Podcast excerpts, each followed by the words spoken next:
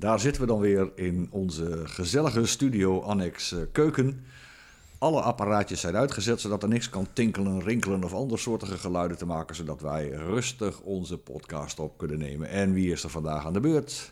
Ja, ik, eh, ik ben vandaag aan de beurt, vader. Vertel. Ik ga je een verhaal vertellen uit eh, Japanse folklore. Een verhaal dat bekend staat als de verzoening. Ik ben heel benieuwd. Laten we beginnen met onze kreet en onze tune. En daarna start jij hem gewoon in. Afgesproken? Helemaal goed. Dus zodra het intro-muziekje geweest is, dan begint het verhaal. En dan zeggen we... Dag vader. Dag zoon.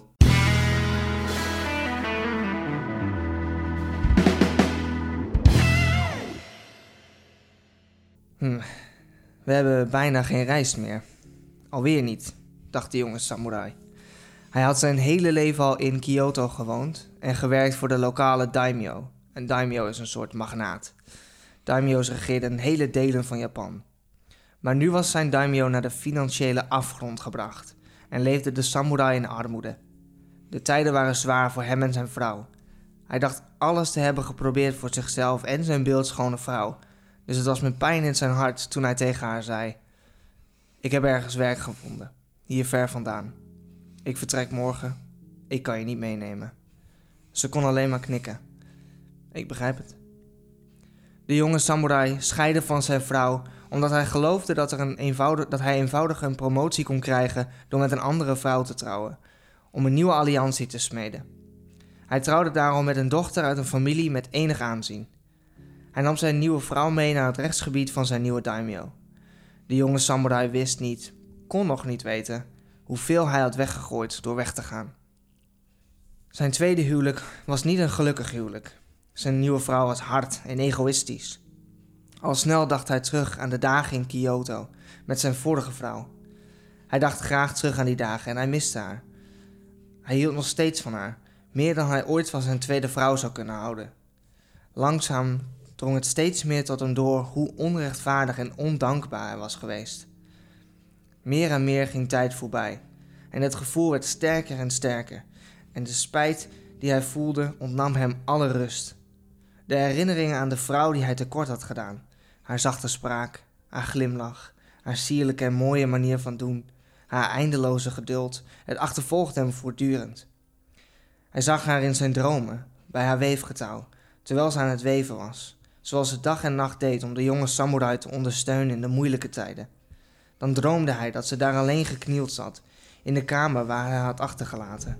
Dat ze haar tranen droogde met haar kapotte mouw.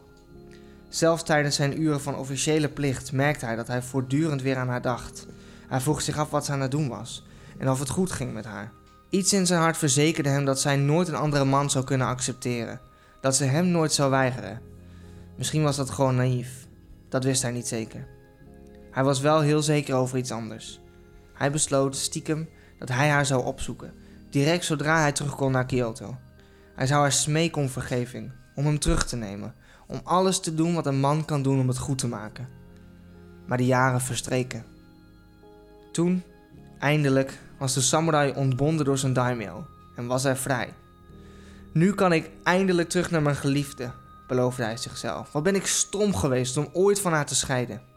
Hij stuurde zijn tweede vrouw terug naar haar eigen familie. Ze hadden nog geen kinderen samen. En dat is een soort uh, afgesproken regel of zo, dat je dan alsnog kunt scheiden van, uh, van iemand als je geen kinderen hebt? Uh, nou ja, in die tijd was het zo dat in principe de man ja, eigenlijk toch wel de baas was en veel kon bepalen.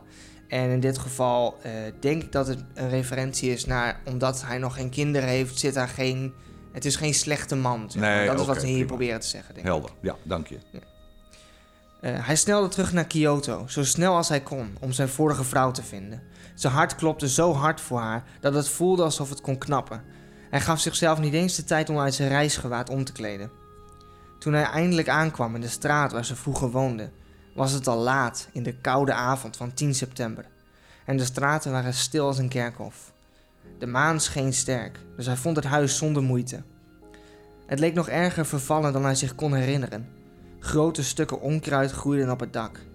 Hij realiseerde zich dat ze arm waren, maar hij was vergeten dat het zo erg was. Hij klopte op de schuifdeur, maar er kwam geen antwoord. Toen hij erachter kwam dat de deuren niet vastgemaakt waren van binnen, duwde hij de deur open en trad hij binnen. De voorste kamer was ook in een slechtere staat dan hij zich kon herinneren. Er lag geen mat en het was leeg. Koude wind kwam binnen door de spleten tussen de planken en het maanlicht brak door de voddige scheuren in de muren. Hij begon verder in het huis te lopen en de andere kamers waren net zo zielig en alleen als de eerste kamer. Het huis leek onbewoond. De samurai droomde vaak over de kamer waar zijn vrouw het vaakst was. Een zeer kleine kamer, de favoriete kamer van zijn vrouw om te rusten. Dus begon hij zich een weg te banen naar het uiteinde van het huis. Toen hij bij de schuifdeur kwam die de kamer afsloot van de rest van het huis, was hij verrast. Een zachte gloed was zichtbaar achter de deur. Hij duwde snel de schuifdeur aan de kant en daar zag hij haar, aan het werk naast het licht van een papierlamp. Hij had tranen in zijn ogen en zijn lip trilde. Hij kon niets zeggen. Het was niet nodig. Ze maakte oogcontact nog voordat hij iets kon zeggen en ze begroette hem met een warme glimlach. Ze vroeg alleen wanneer hij teruggekomen was van Kyoto, hoe hij de terug, uh, weg teruggevonden had door al die kamers. De jaren hadden haar niet veranderd. Ze was nog net zo mooi als in zijn meest geliefde herinneringen. Maar waar hij nog het meeste van had gehouden, was om haar zachte, liefdevolle stem weer te horen. Haar stem trilde net zo van verwondering als zijn eigen. Hij nam plaats naast haar, streelde haar en vertelde haar alles. Hoe hij zichzelf had gehaat over hoe egoïstisch hij was geweest. Hoe verloren hij zich had gevoeld zonder haar. Hoe, hij ze nooit, hoe zij nooit uit zijn gedachten verdwenen was.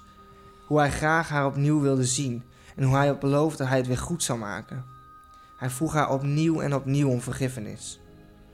Met de liefdevolle zachtheid waar de jonge samurai op had gehoopt, zei ze dat alles oké was. Ze wilde niet dat hij zou lijden door haar. Zij had altijd al het gevoel gehad dat ze niet goed genoeg was voor hem. Ze wist dat ze alleen gescheiden waren door armoede. Hij was altijd goed voor haar geweest toen ze samen waren, dus ze heeft altijd gebeden voor zijn geluk. Als er al een reden was om dingen goed te maken, dan waren dit bezoek en zijn woorden zeker genoeg. Wat kon haar nog gelukkiger maken dan hem weer te zien? Ook al was het maar voor even.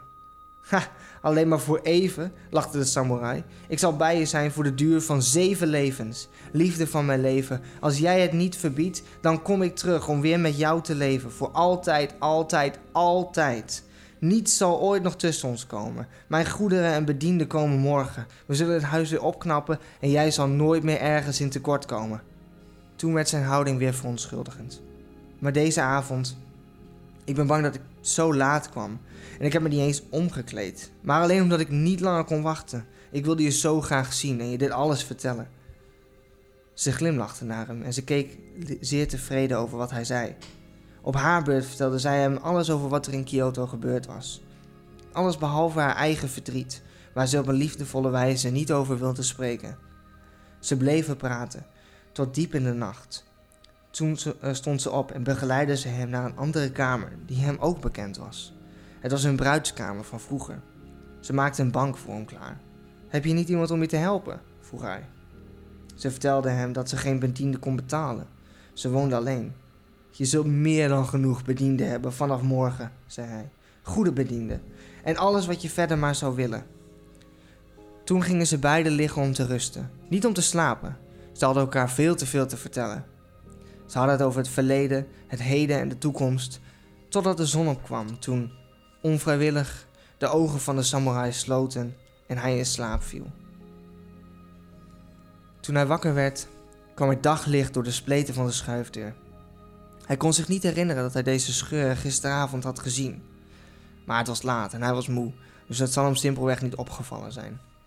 Tot zijn verbijstering merkte hij dat hij op een beschimmelde vloer lag, niet op de bank die ze voor hem had gemaakt. Had hij het alleen maar gedroomd?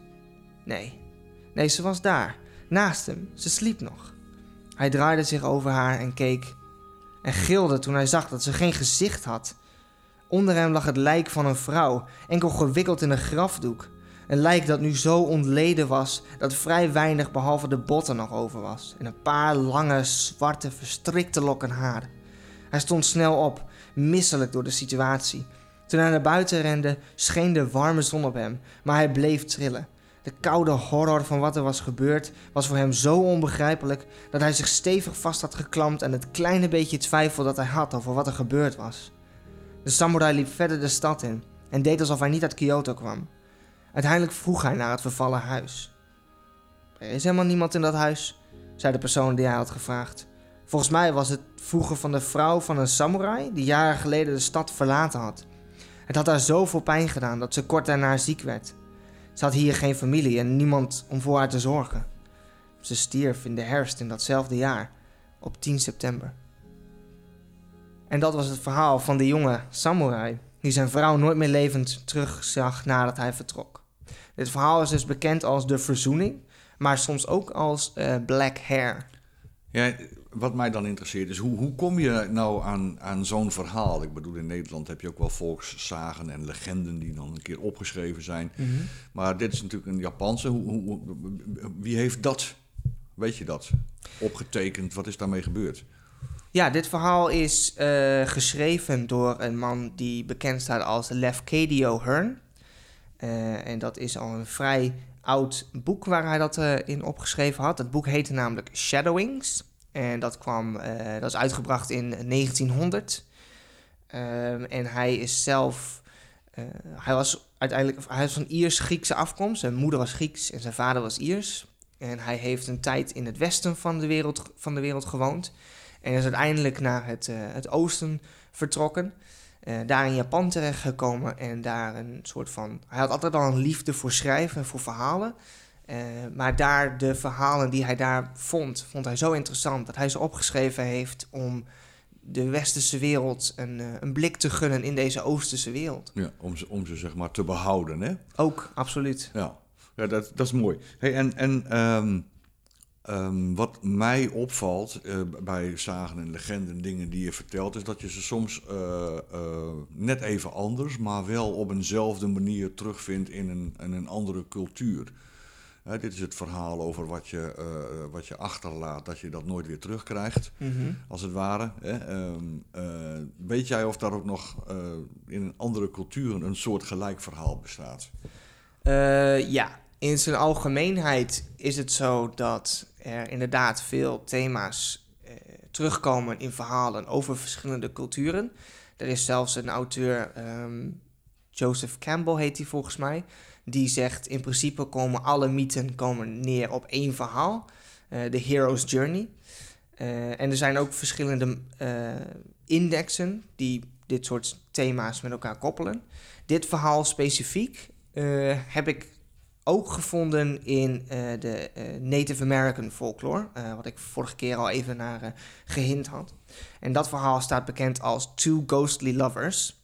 En dat is eigenlijk ja, eigenlijk hetzelfde verhaal. De details zijn een klein beetje anders, maar ook hier gaat het over een krijger die het huis verlaat en die uiteindelijk terugkomt. En, zijn uh, tipi neem ik aan, hè? Zijn tipi verlaat inderdaad en die uiteindelijk terugkomt en uh, zijn, zijn, uh, nou ja, zijn lief weer ziet. En ook zij is dan al overleden.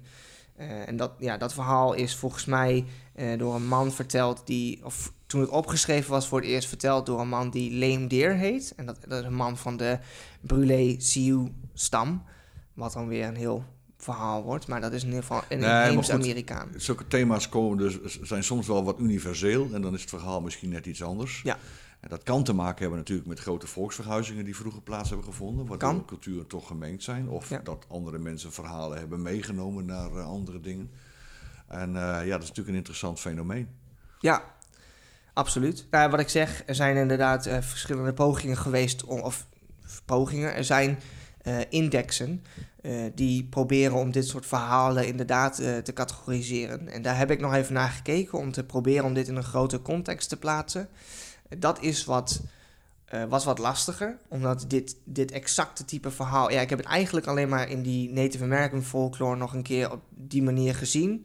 Um, maar inderdaad, veel, veel culturen hebben veel verhalen die ja, toch wel heel erg met elkaar overlappen en dezelfde thema's hebben. En heb je, zijn er ook een paar uh, categorieën te noemen, zo even uit het hoofd, die daarin staan? Wat, wat, wat voor soort dingen moeten we dan zien? Nou, de eerste categorie die in mij opkomt is uh, The Grateful Dead. The Grateful Dead? Ja, The Grateful Dead. Zoals de band? Zoals de band. Van Jerry Garcia. Grappig genoeg inderdaad, eh, The Grateful Dead, die band, heeft hun naam ook te danken aan deze categorie in folklore. Ja. Ehm, ja, zij hebben namelijk, ze moesten een bandnaam bedenken. Ze hebben uiteindelijk volgens mij inderdaad een folkloreboek opengeklapt. En toen zagen ze Grateful Dead en toen dachten ze, nou, dat vind ik wel een leuke naam. Dus zo is die band Zo inderdaad aan de naam gekomen. Nou, zo zie je maar weer dat van het een zomaar het ander komt. Ja. Mooi verhaal, mooi verhaal, dankjewel. Dacht ik, dacht ik.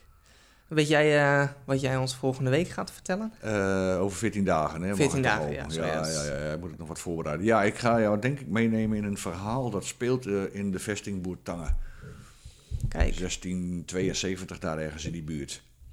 Het is een mooi verhaal over hoe de, de, de bisschop van Münster dacht Boertangen te verrassen, maar daarbij zelf het deksel op de neus kreeg, zoals dat dan zo mooi heet. kijk. Dus dat wordt wel weer een leuk verhaal, denk ik. Ja, Ja, ja. klinkt goed. Boetangen zijn we natuurlijk een paar keer geweest. daarom. Is, daarom. was dit bij de vesting? Dit was, eh, het, het- nee, het is er vanuit de vesting en het speelt rond Jipsing, Jipsinghuizen, daar ergens in die buurt. Kijk, Het is wel allemaal hier in de buurt in ieder geval. ik ben benieuwd. En we gaan het zien. Nou, dan sluiten we denk ik weer af hè, met onze vaste kreet Dag Vader. Dag zoon, Tot later. tot later.